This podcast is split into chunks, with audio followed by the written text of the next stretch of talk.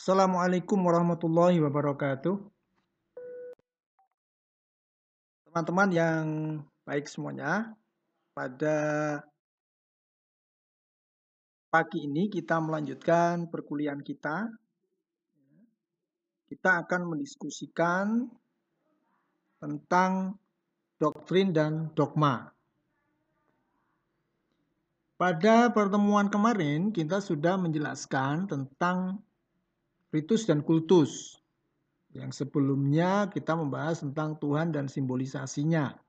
Yang semuanya di frame dalam konteks agama-agama. Ya, di frame dalam konteks studi agama-agama. Yang secara spesifik menerapkan teori atau pendekatan fenomenologi agama. Dan ini yang paling penting. Oleh karena itu, nanti ketika teman-teman ingin menjelaskan mengenai apa itu doktrin, apa itu dogma, frame-nya harus fenomenologi agama.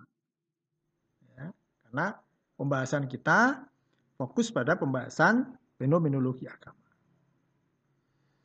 Baik, ada beberapa hal yang akan kita sampaikan pada kesempatan siang hari ini. Ya.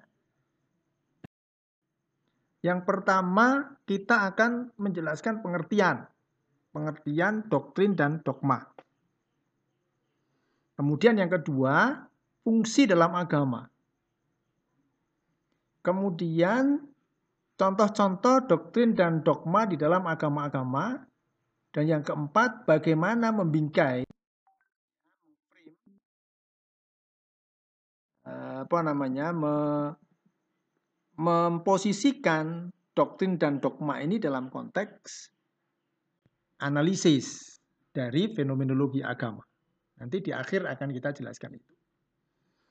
Baik, kita masuk ke pembahasan yang pertama tentang pengertian, baik pengertian doktrin maupun pengertian dogma. Dan bagaimana perbedaan keduanya tentu akan menjadi bahan pembicaraan kita atau bahan penjelasan kita pada kesempatan uh, siang hari ini. Doktrin, kita akan masuk pengertian doktrin dahulu. Doktrin itu diartikan sebagai sistem keyakinan yang spesifik dan dibangun secara kolektif. Maka pengertian doktrin adalah sistem keyakinan yang spesifik dalam sebuah agama yang dibangun secara kolektif. Maksudnya kolektif itu bukan pendapat pribadi seorang beragama. Bukan keputusan individu, tetapi sebuah apa dalam bahasa kita sebuah konsensus ijma dari pimpinan-pimpinan umat beragama dan para penganut umat beragama. Itu namanya doktrin. Nah, masing-masing agama akan ada perbedaan, tetapi yang paling prinsip yang namanya doktrin ini, ajaran pokoknya atau sistem keyakinan yang pokok itu given, didapatkan dari sumber otoritatif yaitu kitab suci, tetapi turunan atau derivasi dari sumber-sumber kitab suci itu disusun dalam sebuah rumusan-rumusan doktrin, rumusan-rumusan ajaran yang disepakati secara kolektif. Nah, doktrin itu merupakan sistem dari the system of belief. Merupakan ungkapan dari sistem keyakinan dan diyakini kebenarannya secara otoritatif oleh penganut agama tersebut. Karena bersumber dari kitab suci dan sumber-sumber otoritatif lain dalam agama tersebut. Itu doktrin. Ya, misalnya, dalam Buddhism ada doktrin yang namanya Dhamma. Ya, tiratana itu ada yang pertama Buddha, Sangga, dan Dhamma. Nah, konsep dhamma ini ini sebuah sistem keyakinan yang ada dalam Buddhism dan itu dirumuskan oleh umat Buddhism bersumber dari kitab suci yang otoritatif yang kemudian diyakini kebenarannya oleh penganut Buddhism. Itu yang namanya doktrin. Kemudian doktrin misi dalam agama Kristen. Ada juga. Gitu. Jadi kebenaran yang diyakini umat Kristen itu harus dikabarkan dan itu menjadi sebuah doktrin dalam agama tersebut. ya. Seperti itu misalnya. Kemudian doktrin tentang the chosen people. The chosen people umat Yahudi. Itu doktrin dan itu menjadi sebuah kebenaran yang harus diyakini oleh agama Yahudi. Jadi ini pengertian dari doktrin. Ya. Dan itu nanti teman-teman bisa me, apa, mengidentifikasi atau membayangkan, menggambarkan ketika doktrin dimaknai seperti ini.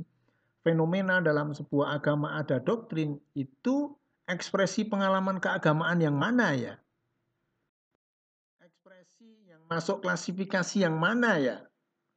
Ketika sudah kita posisikan masuk klasifikasi yang mana, kita bisa menjelaskan lebih detail teori apa yang akan kita pakai untuk menjelaskannya lah. Ini inilah uh, cara pandang fenomenologi Baik, ini doktrin. Sekarang kita akan menjelaskan mengenai dogma. Dogma apa itu dogma dan bedanya dengan doktrin apa? Kalau doktrin tadi sistem keyakinan ya yang merupakan kebenaran yang diakui secara kolektif oleh masyarakat ah, oleh umat umat beragama, maka yang namanya dogma itu doktrin agama yang diyakini sebagai kebenaran otoritatif dan itu lebih spesifik dalam hal-hal tertentu atau dalam hal-hal yang sifatnya khusus. Itu dogma. Dan dogma biasanya diakui kebenarannya, diyakini kebenarannya meskipun tidak bisa dibuktikan secara secara ya bukti ya ada hujahnya ya. Beda dengan doktrin. Kalau doktrin ada alasan-alasan argumentatifnya. Tapi kalau dogma terkadang tidak ada alasan argumentatifnya. Dalam tanda kurung atau dalam tanda kutip pokoknya itu menjadi sebuah sistem keyakinan yang harus diyakini. Itu namanya dogma. Dalam konteks ini, istilah dogma itu spesifik digunakan dalam tradisi Kristiani. Itu namanya dogma. Dan istilah dogma itu sendiri itu mengakar pada tradisi Kristiani. Karena tidak semua agama memiliki konsep yang namanya dogma. Tetapi kalau doktrin itu hampir semua agama memiliki konsep yang namanya doktrin. Yang dalam konteks tertentu kita namai dengan ajaran atau sistem keyakinan atau sistem ajaran. Jadi ada sedikit perbedaan antara doktrin dan dogma. Doktrin itu secara umum meskipun merupakan rumusan dari hal-hal yang spesifik dan diakui kebenarannya putuskan secara kolektif tetapi menyangkut hal-hal yang sifatnya umum dalam agama agama tertentu itu sifatnya umum. Tetapi yang namanya dogma itu menyangkut hal yang lebih spesifik dan khusus. Dan ini menjadi domain, menjadi wilayah dari tradisi Kristiani. Contohnya misalnya dogma Trinitas. Itu menjadi dogma. Menjadi dogma gereja tentang Trinitarian gitu ya. Berarti spesifik. Trinitas berarti tentang pribadi Yesus. Tentang konsep tentang kehidupan dan ketuhanan Yesus itu namanya dogma dan itu yakini seutuhnya hanya dalam tradisi Kristiani.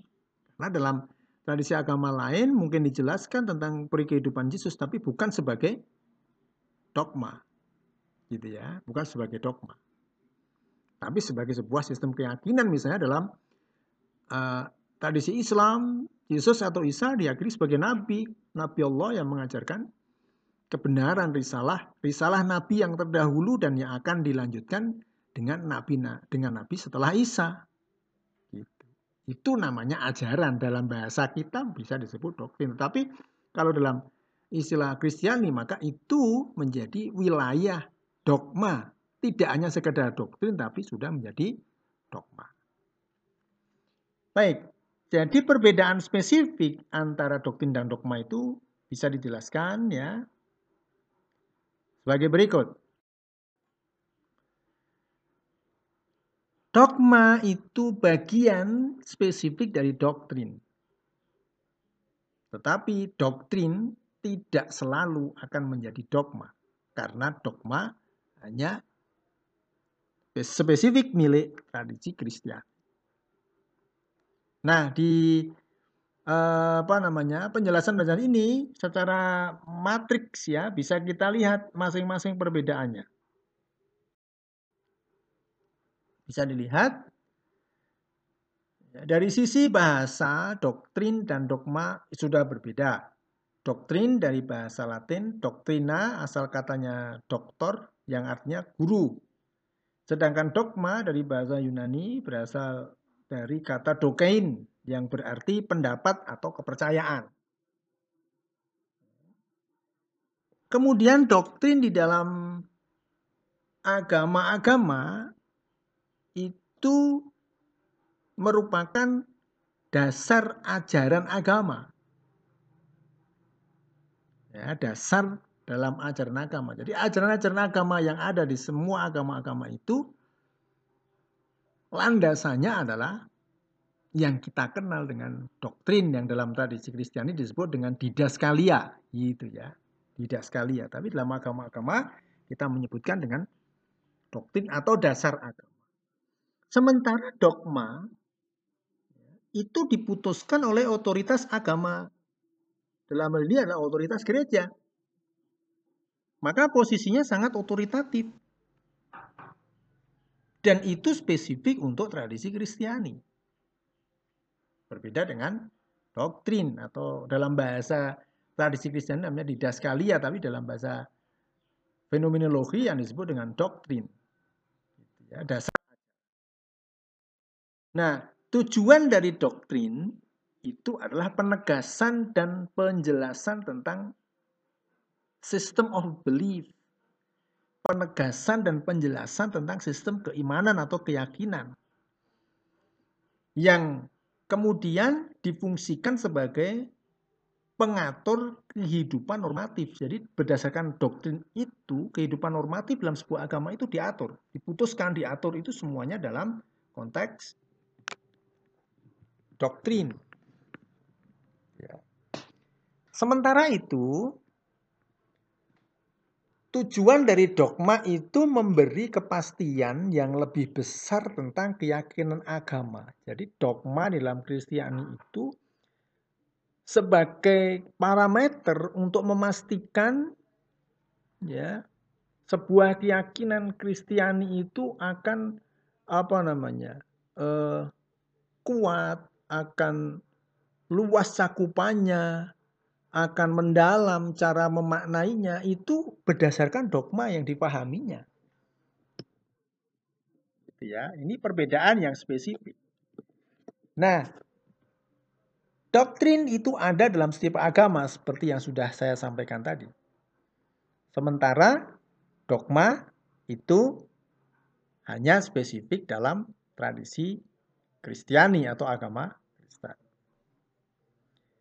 itu ya. Jadi teman-teman bisa uh, menggambarkan bagaimana perbedaan antara doktrin dan dogma. Dari sisi pengertiannya, doktrin dan dogma.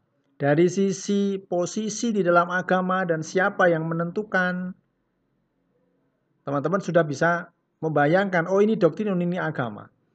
Dari sisi tujuan adanya doktrin dan adanya aga, uh, dogma dalam agama-agama, teman-teman juga sudah bisa membayangkan dan di mana posisi spesifik doktrin dan dogma itu.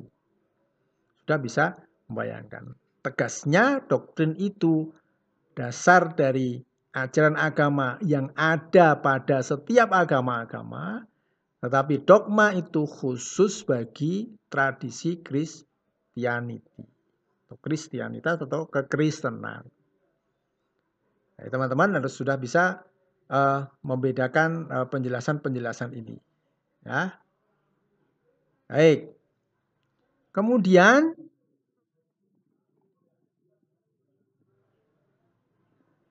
Bagaimana hal ini nanti bisa dijelaskan dalam konteks fenomenologi agama?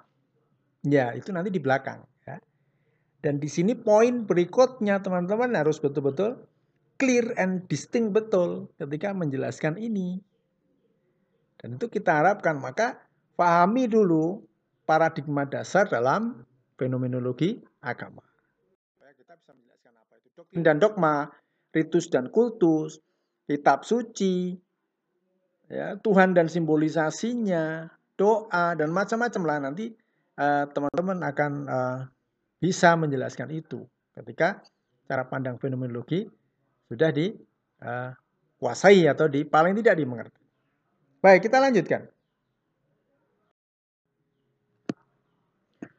Sekarang kita masuk poin kedua dari pembahasan kita adalah fungsi doktrin. Ya, fungsi doktrin. Ini perlu kita uh, diskusikan karena memang dalam sebuah agama ketika di situ ada doktrin lah fungsinya apa? Nah, itu perlu kita ketahui. Perlu kita ketahui karena memang untuk menjelaskan bagaimana sebuah doktrin itu berada dalam tradisi keagamaan tertentu dan bagaimana dia berfungsi. Gitu ya. Baik yang pertama, fungsi doktrin itu memperlihatkan pemikiran keagamaan. Bahwa dengan adanya doktrin itu, maka struktur pemikiran, konsep-konsep yang ada dalam agama-agama itu tampak betul. Ya, tampak betul. Bagi agama-agama primitif mungkin konsep-konsepnya tidak tampak. Karena doktrin-doktrinnya tidak sekuat dalam agama-agama yang formal atau organized religion. Itu ya, jadi memperlihatkan pemikiran agama. Jadi tampak betul. Contohnya Islam ketika ada doktrin rukun iman, ajaran mengenai rukun iman, maka struktur bangunan ajaran yang berada di bawahnya itu akan tampak betul bagaimana konsepnya itu akan tampak betul. Gitu ya. Tuh, itu yang pertama fungsinya. Kemudian fungsi yang kedua membantu dalam menafsirkan dan memahami kitab suci dengan adanya doktrin, ya, meskipun doktrin itu sendiri bersumber dari kitab suci, tetapi ketika sudah dirumuskan dalam sebuah ajaran dasar, maka ajaran dasar ini akan akan membantu ketika ajaran-ajaran lain yang ada dalam kitab suci, maka standar parameternya, patokannya ya doktrin itu. Seperti itu. Jadi contohnya misalnya tadi di dalam agama Islam ada rukun iman. Ya. Inti dari rukun iman adalah ketauhidan yang pertama atau akidah. Maka interpretasi terhadap ajaran-ajaran eh, terhadap isi kitab suci dalam Al-Quran, tafsiran-tafsirannya tidak boleh keluar dalam konteks akidah atau tidak boleh keluar dalam konteks keyakinan rukun iman itu. Dan penafsiran terhadap Al-Quran pun akhirnya akan mengikuti pola-pola dasar di dalam ajaran dasar dalam agama Islam yaitu tentang akidah. Gitu. Ini fungsi kedua. Kemudian fungsi ketiga, ya, menjelaskan kewajiban dan tugas pemeluk agama ya, menjelaskan kewajiban dan tugas pemeluk agama. Bagaimana ini bisa dipahami? Ya. Ini bisa dipahami karena dengan adanya doktrin, ya, dengan adanya doktrin, maka kita bisa menjelaskan apa sih kewajiban, apa sih tugas. Dalam agama-agama itu akan bisa dijelaskan dengan baik. Itu. Karena mengetahui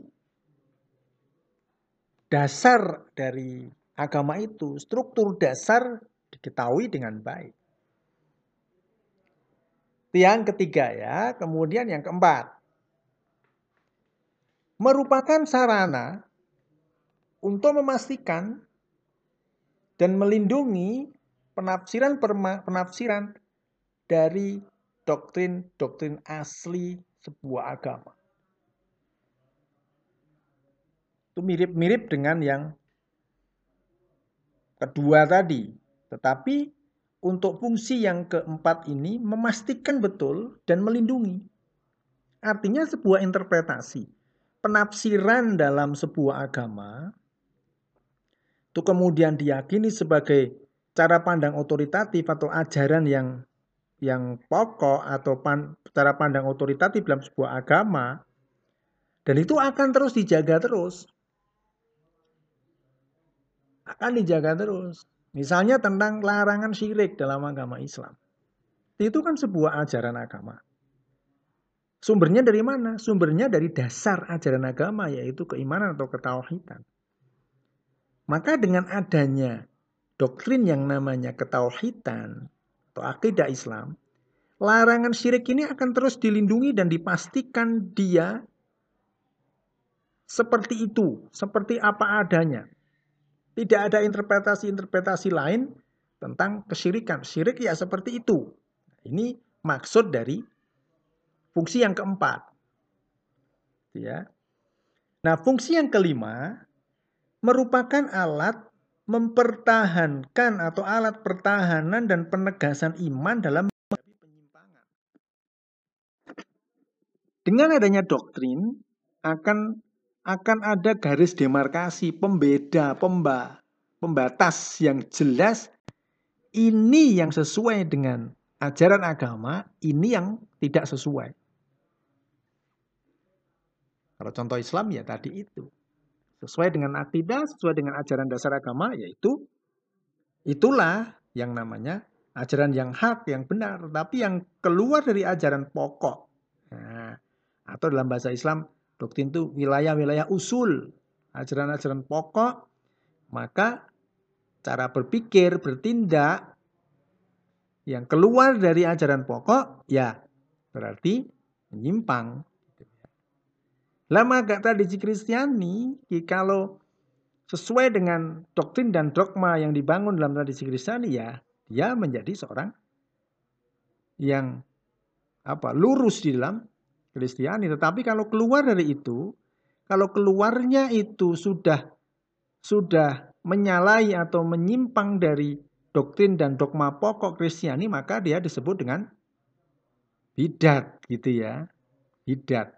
Istilahnya Bidat itu kelompok-kelompok yang memang keluar dalam tradisi Kristiani. Misalnya kalau dahulu dalam sejarah gereja itu ada pemikiran yang namanya Arianis, Arianisme.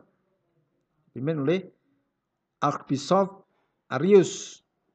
Itu dianggap bidat karena berselisih atau bertentangan dengan doktrin Trinitas atau dogma Trinitas. Karena Pendeta Arius menganggap Yesus ya manusia biasa, pemimpin agama dan uh, orang soleh yang menjadi panutan bagi umat Kristiani, bukan Tuhan. Maka Arianisme kemudian ya, di, ya dinegasikan oleh tradisi besar, mainstream besar gereja pada waktu itu. Itu contoh ya, contoh bahwa doktrin dalam konteks Kristen Trinitas itu menjadi pertahanan dan penegasan iman bagi penganut agama Kristen dalam menghadapi penyimpangan-penyimpangan seperti itu. Ya, seperti itu. Jadi uh, fungsi dari doktrin. Baik, kita lanjutkan. Sekarang bagaimana sebenarnya dinamika dan perkembangan doktrin dalam sebuah agama? Apakah doktrin itu hanya mandek begitu ataukah dia punya kesempatan-kesempatan tertentu untuk berkembang. Ya. Baik, kita lihat. Doktrin agama selalu mengalami perkembangan, perkembangan. Ingat, dahulu kita pernah menjelaskan tentang agama itu ada konsep yang namanya habitus. Ada konteks. Agama itu punya konteks. Agama yang kita masuk di sini adalah ajaran-ajaran agama itu punya konteks. Konteks sosial, konteks budaya, ada climate and culture dan sebagainya. Ya, ada konteks modes of thought. Maka itulah yang namanya habitus dari agama. Karena habitus itu selalu apa namanya berkembang, selalu mengikuti dinamika dan perkembangan sosial kemasyarakatan konteks kehidupan manusia, maka doktrin pun berkembang. Doktrin intinya tidak berkembang, tapi interpretasi yang muncul terkait dengan doktrin itu berkembang. Tauhid misalnya, pada zaman Rasul, pada zaman sahabat, pada zaman-zaman uh, apa namanya salaf ya era salaf berarti era-era era-era awal tauhid dipahami ya tauhid seperti itu. Tauhid yang individu tauhid yang keyakinan individual kepada Tuhan yang ber, berefek kepada kehidupan sosial kemasyarakatan. Tetapi karena konteksnya berjalan kita mengenal tauhid sosial. Bagaimana? Tauhid ini punya implikasi kepada kehidupan sosial yang lebih luas. Dalam aspek kenegaraan, dalam aspek pembuatan regulasi-regulasi kenegaraan. Ini ini contoh-contoh yang contoh yang yang nyata ada konsep-konsep tentang tauhid sosial kalau dalam tradisi agama Islam. Ini menunjukkan bahwa doktrin itu berkembang. Ada perkembangan sesuai dengan habitus. Lebih-lebih terhadap interpretasi ajaran yang merupakan turunan dari doktrin itu. Misalnya dalam hal ekonomi, di dalam hal budaya, nah itu akan sangat berkembang luar biasa ajaran-ajaran itu. Tetapi doktrinnya tetap sama, ketauhidan, kemudian kemaslahatan dan sebagainya itu. Itu ya. Nah, perkembangan doktrin juga sebagai model pendidikan. Artinya apa? Doktrin yang berkembang itu akhirnya memberi gambaran, memberikan eh, apa namanya? Cara pandang kepada umat beragama bahwa agama itu harus berkembang, tidak boleh stagnan, tidak boleh ada konservatisme di dalam memahami teks-teks agama. Doktrin boleh. Ya, nanti namanya dalam konteks agama Islam namanya at-tawabit. Ada hal-hal yang tidak bisa diubah karena itu sifatnya doktrinal. Tetapi turunan dari doktrinal itu al-mutaghayyirat harus berubah karena sesuai dengan habitus. Ini yang namanya proses pendidikan, ada proses edukasi yang perlu dipahami. Edukasi dalam arti penyadaran kepada umat beragama bahwa ada yang sawabit, ada yang tetap, ada yang mutaghayyirat. Tapi pendidikan juga dipahami sebagai ketika kita menghadapi hal-hal yang sifatnya mutaghayyirat kita terus melakukan pembenahan-pembenahan, pembaruan-pembaruan, ya, penyesuaian-penyesuaian yang tidak bertentangan dengan as-sawabit. Gitu. Itu yang namanya pendidikan itu maksudnya seperti itu. Baik kemudian, perkembangan doktrin juga sebagai model eksplorasi atau pencarian. Maka doktrin dipahami sebagai inovasi inovasi yang membangkitkan pandangan baru. Ya.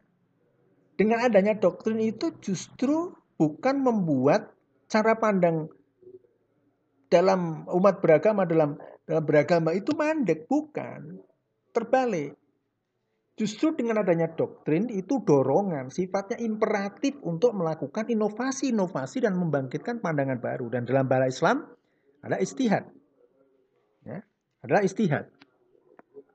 Istihad itu maknanya berarti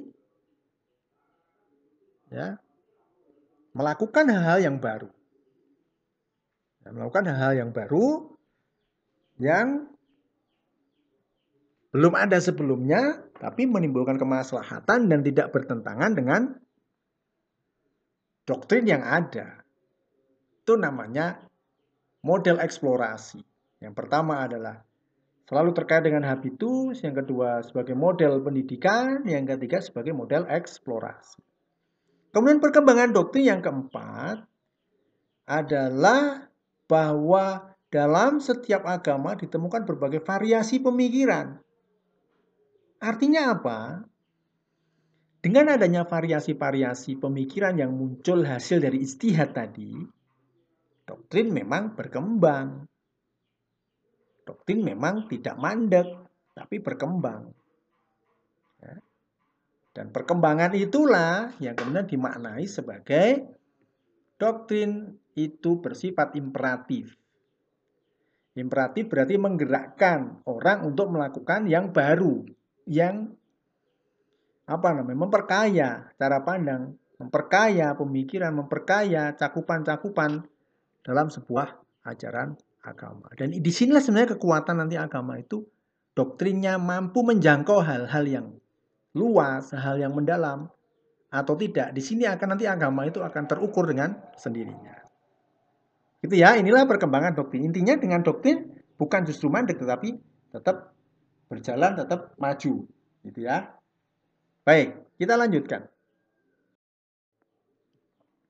Sekarang contoh-contoh doktrin dalam agama-agama dan nanti di akhir akan saya jelaskan bagaimana posisi doktrin dan dogma ini dalam konteks fenomenologi agama.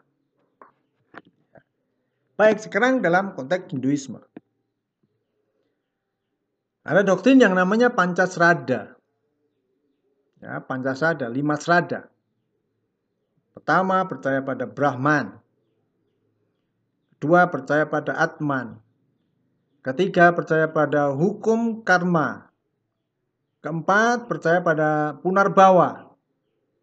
Terlahir kembali ya. Kemudian, percaya kepada moksa. Ini doktrin. Dan dari sinilah umat agama Hindu mengembangkan ajaran itu. Dari konsep Brahman, Atman, hukum karma pala, punarbawa, dan moksa ini akan muncul ajaran-ajaran di bawahnya yang sangat bervariasi dan itu menunjukkan bahwa doktrin itu imperatif mendorong umatnya untuk selalu berinovasi bukan sebaliknya. Maka kalau dalam tradisi Islam ada orang berpendapat bahwa istihad telah tertutup, itu justru apa nah, bertentangan dengan etos kalau dalam bahasa kita etos keilmuan studi agama-agama. Karena doktrin itu punya watak imperatif, imperatif. Mendorong melakukan sesuatu yang lebih, yang baru, yang penuh motivasi begitu.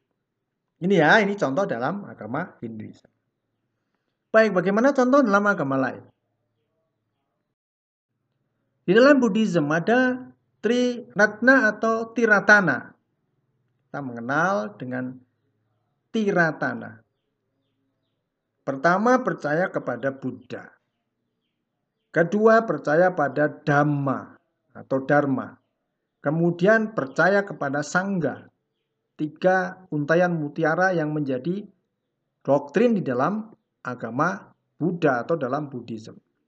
Kemudian ada Catur Arya Satyani dan Hasta Arya Marga. Ini menjadi persoalan yang usul lah dalam bahasa kita persoalan usul persoalan pokok dalam tradisi Buddhism dan dari sinilah agama Buddhism dikembangkan dari doktrin-doktrin keagamaan ini dan ini fungsinya tadi penegasan menjadi apa melindungi interpretasi dan lain sebagainya tadi. Dari sini Buddhism bisa dibangun sebuah ajaran-ajaran di bawah doktrin ini. Itu ya, itu contoh dalam Buddhism. Kemudian di dalam agama lain Yahudi ya, ada agama, ada doktrin tentang bangsa pilihan. Dengan adanya uh, doktrin agama uh, apa namanya bangsa pilihan, maka konsep ketuhanannya pun Yahwisme itu ketuhanan yang eksklusif dan itu spesifik bagi agama Yahudi yang merupakan bangsa pilihan. Karena Tuhan telah memilih menurut keyakinan agama Yahudi telah memilih bangsa Yahudi untuk atau bangsa Bani Israel untuk menjadi menjadi umat yang terpilih, maka apa pun itu eksklusif bagi dia saja. Karena Al-Quran itu menantang kan. Ketika orang-orang Yahudi didakwai Nabi, yang katanya uh, Tuhan itu hanya dia yang berhak, surga itu hanya yang berhak, dia yang berhak, kebenaran itu hanya dia yang berhak. Pokoknya semuanya yang sih benar-benar dia yang berhak. Al-Quran menantang, ya, wahai orang-orang Yahudi, jika kamu benar pemilik utuh kebenaran, surga dan macam-macam, mintalah segera kamu dimatikan, diwafatkan. Kamu akan segera ketemu dengan surga. Tapi mereka tidak akan mau karena memang yaitu trik saja untuk mengakui, untuk memproklamirkan bahwa dia, mereka, bangsa Yahudi itu umat pilihan dan itu menjadi doktrin dan dari situlah ajaran itu diturunkan. Ya. Tuh. Itu dalam agama Yahudi. Ada lagi misalnya tentang eh, perjanjian, perjanjian Musa di Bukit Sinai. Itu juga menjadi bagian eksklusif bagi dia dan itu menjadi bagian doktrin dalam agama Yahudi. Itu contoh-contoh ya, itu contoh-contoh yang bisa di eh, apa namanya bisa dipahami eh, sebagai sebuah fenomena sebagai sebuah ekspresi pengalaman keagamaan dalam agama-agama khususnya dalam ini tadi agama Yahudi. Nah, masih dan nanti ada agama-agama lain. Kemudian dalam agama Kristiani misalnya ada konsep Trinitas. Ada agama ada konsep doktrin Trinitas. Tadi sudah saya jelaskan. Khusus di dalam Katolik ada Theotokos, ya, ketuhanan Maria. Ada ya. Ada predestinasi. Ada ya transubstantiasi. Ada homoousios kemanusiaan dan ketuhanan Yesus bahkan ada infalibilitas paus khusus agama Katolik paus itu tidak punya dosa. Tetapi hanya khusus dalam agama Katolik dan di situ tidak boleh menyentuh dunia dalam arti tidak boleh menikah, tidak boleh punya keluarga, ya harus menjauhi kehidupan-kehidupan dunia tapi harus dekat dengan kehidupan-kehidupan rohani. Itu tradisi-tradisi eh, apa namanya doktrin-doktrin yang melekat dalam tradisi Kristiani apakah itu agama Kristen dan beberapa hal tadi saya sebutkan itu agama Katolik. Gitu ya.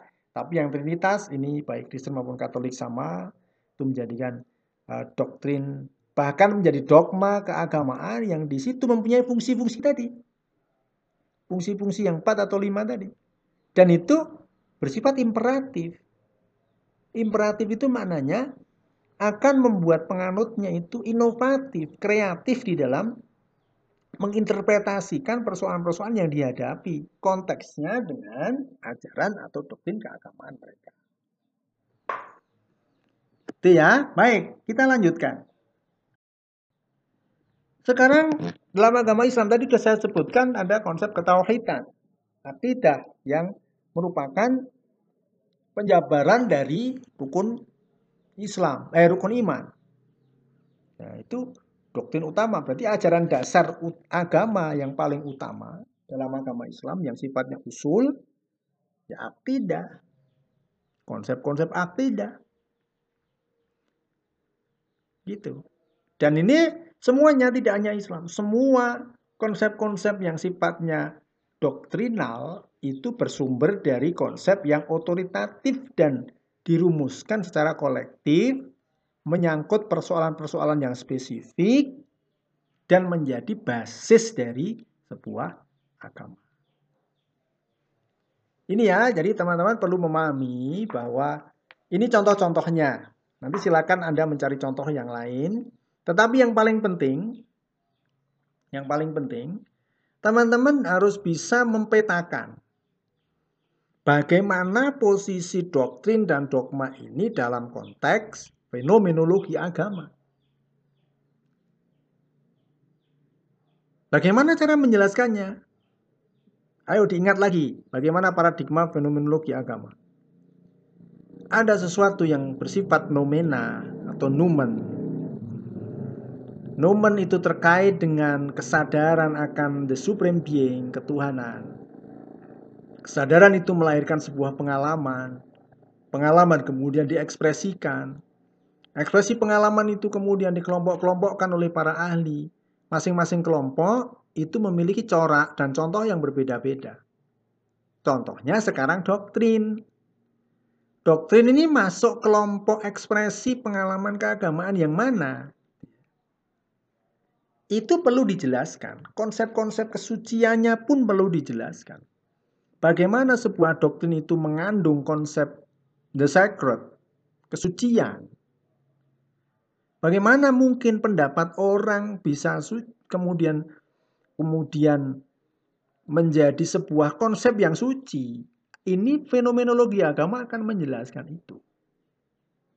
Dan ya nanti tolong dilihat lagi bagaimana cara menjelaskan. Intinya ketika kita akan menganalisis sebuah fenomena keagamaan misalnya doktrin dan dogma kalau meritus dan kultus, jelaskan dulu bagaimana posisi dan paradigmanya di dalam fenomenologi agama. Nah, kalau sudah dijelaskan baru pendekatan-pendekatan yang lain bisa dimunculkan, misalnya sosiologi agama, misalnya antropologi agama, misalnya psikologi agama, sejarah, filsafat dan sebagainya bisa ya saling saling terlibat untuk menjelaskan aspek dalam doktrin dan dogma ini. Contoh sajalah misalnya ya pengaruh ketauhidan di dalam masyarakat tertentu atau pondok pesantren tertentu atau komunitas tertentu terhadap etos ekonomi misalnya. Atau etos etos e, pertanian di mana gitu ya di masyarakat mana.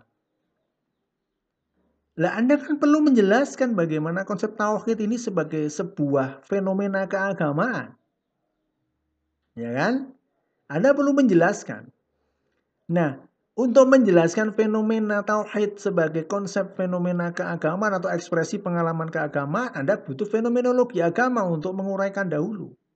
Ada konsep sacred, yang suci dan profan, yang tidak suci. Ada konsep the holy, ada konsep the supreme being. Itu diuraikan dulu. Nah kalau sudah, kalau sudah Anda posisikan jelas, oh ini posisinya dalam konteks studi uh, fenomenologi agama, studi agama-agama, baru kita meng, mengkombinasikan pendekatan atau teori dari ilmu-ilmu lain misalnya sosiologi. Berarti kan dampak tauhid kepada aspek pertanian ini aspek bisa antropologi bisa sosiologi. Tetapi kita memposisikan dulu konsep tauhid ini dalam konteks fenomenologi keagamaan dulu dan dia akan punya dampak terhadap etos pertanian misalnya begitu bentuk Dampaknya seperti apa? Lah ini sudah domainnya domain sosiologi atau antropologi atau sejarah atau ilmu-ilmu sosial humaniora lain. Tetapi core studies-nya tentang ketauhidan, konsep the sacred, konsep doktrinal, ya melahirkan konsep ritus dan kultus tadi itu perlu dijelaskan lebih awal dalam konteks fenomenologi agama.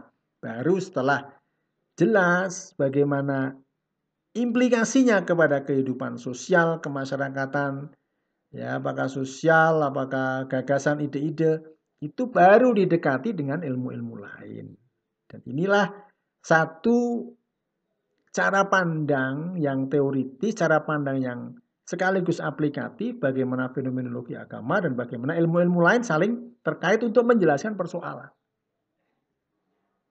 Ya. Ya maka ini perlu dipahami sehingga ketika nanti teman-teman akan meneliti misalnya konsep trinitas ya eh, apa namanya pemahaman masyarakat misalnya anak-anak lah anak-anak TK Kanisius di mana gitu contohnya ini contoh riset penelitian pemahaman anak-anak Kanisius TK Kanisius atau SD Kanisius kelas 1 sampai kelas sekian terhadap konsep Trinitas anda bandingkan anak-anak eh, apa namanya TK Islam misalnya ya terhadap ketuhanan tauhid Anda bandingkan. Nah ini kan Anda membutuhkan fenomenologi agama.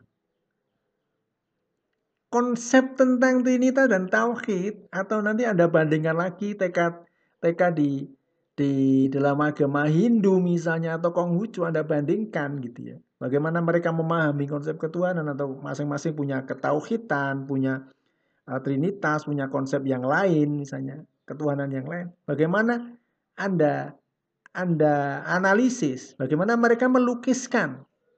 Ya, mungkin mereka sangat sederhana sekali melukiskan tentang doktrin, tapi itu sebagai gambaran bahwa ketika Anda akan menjelaskan konsep-konsep yang sifatnya doktrinal, Anda membutuhkan fenomenologi agama. Nah, kalau kalaupun nanti implikasinya kepada perilaku, kepada cara pandang anak-anak kecil-kecil itu, itu wilayahnya mungkin psikologi, psikologi perkembangan, misalnya ya, wilayah psikologi. Nah, di sinilah uh, apa namanya cara bidik atau titik bidik ketika kita akan mengaplikasikan fenomenologi agama dalam riset atau mengambil satu materi atau satu objek material dalam studi eh, dalam fenomenologi agama sebagai objek kajian misalnya menjadi tesis, menjadi skripsi, menjadi atau objek-objek yang lain tetapi di situlah letak core studies fenomenologi agama. Gitu ya teman-teman. Jadi silakan nanti uh, dicermati ulang. Silakan buku wajibnya silakan Anda baca. Joachim Was silakan Anda baca. Di situ Anda akan terbantu. Kemudian Ninian Smart juga Anda baca. Kemudian Mercia Eliade juga Anda baca. Kemudian Rudolf Otto juga Anda baca. Empat itulah yang menjadi pokok. Lima tambah satu lagi Maria Susay Dapamoni. Yang lain-lain itu menjadi pendukung. Tapi lima itu akan menjelaskan bagaimana konsep-konsep dalam fenomenologi agama itu bisa dijelaskan. Dan di sinilah Anda nanti akan leluasa memilih objek yang akan Anda teliti di dalam penyelesaian tugas akhir. Saya kira demikian. Terima kasih atas perhatiannya. Kita akhiri perkuliahan kita. Assalamualaikum warahmatullahi wabarakatuh.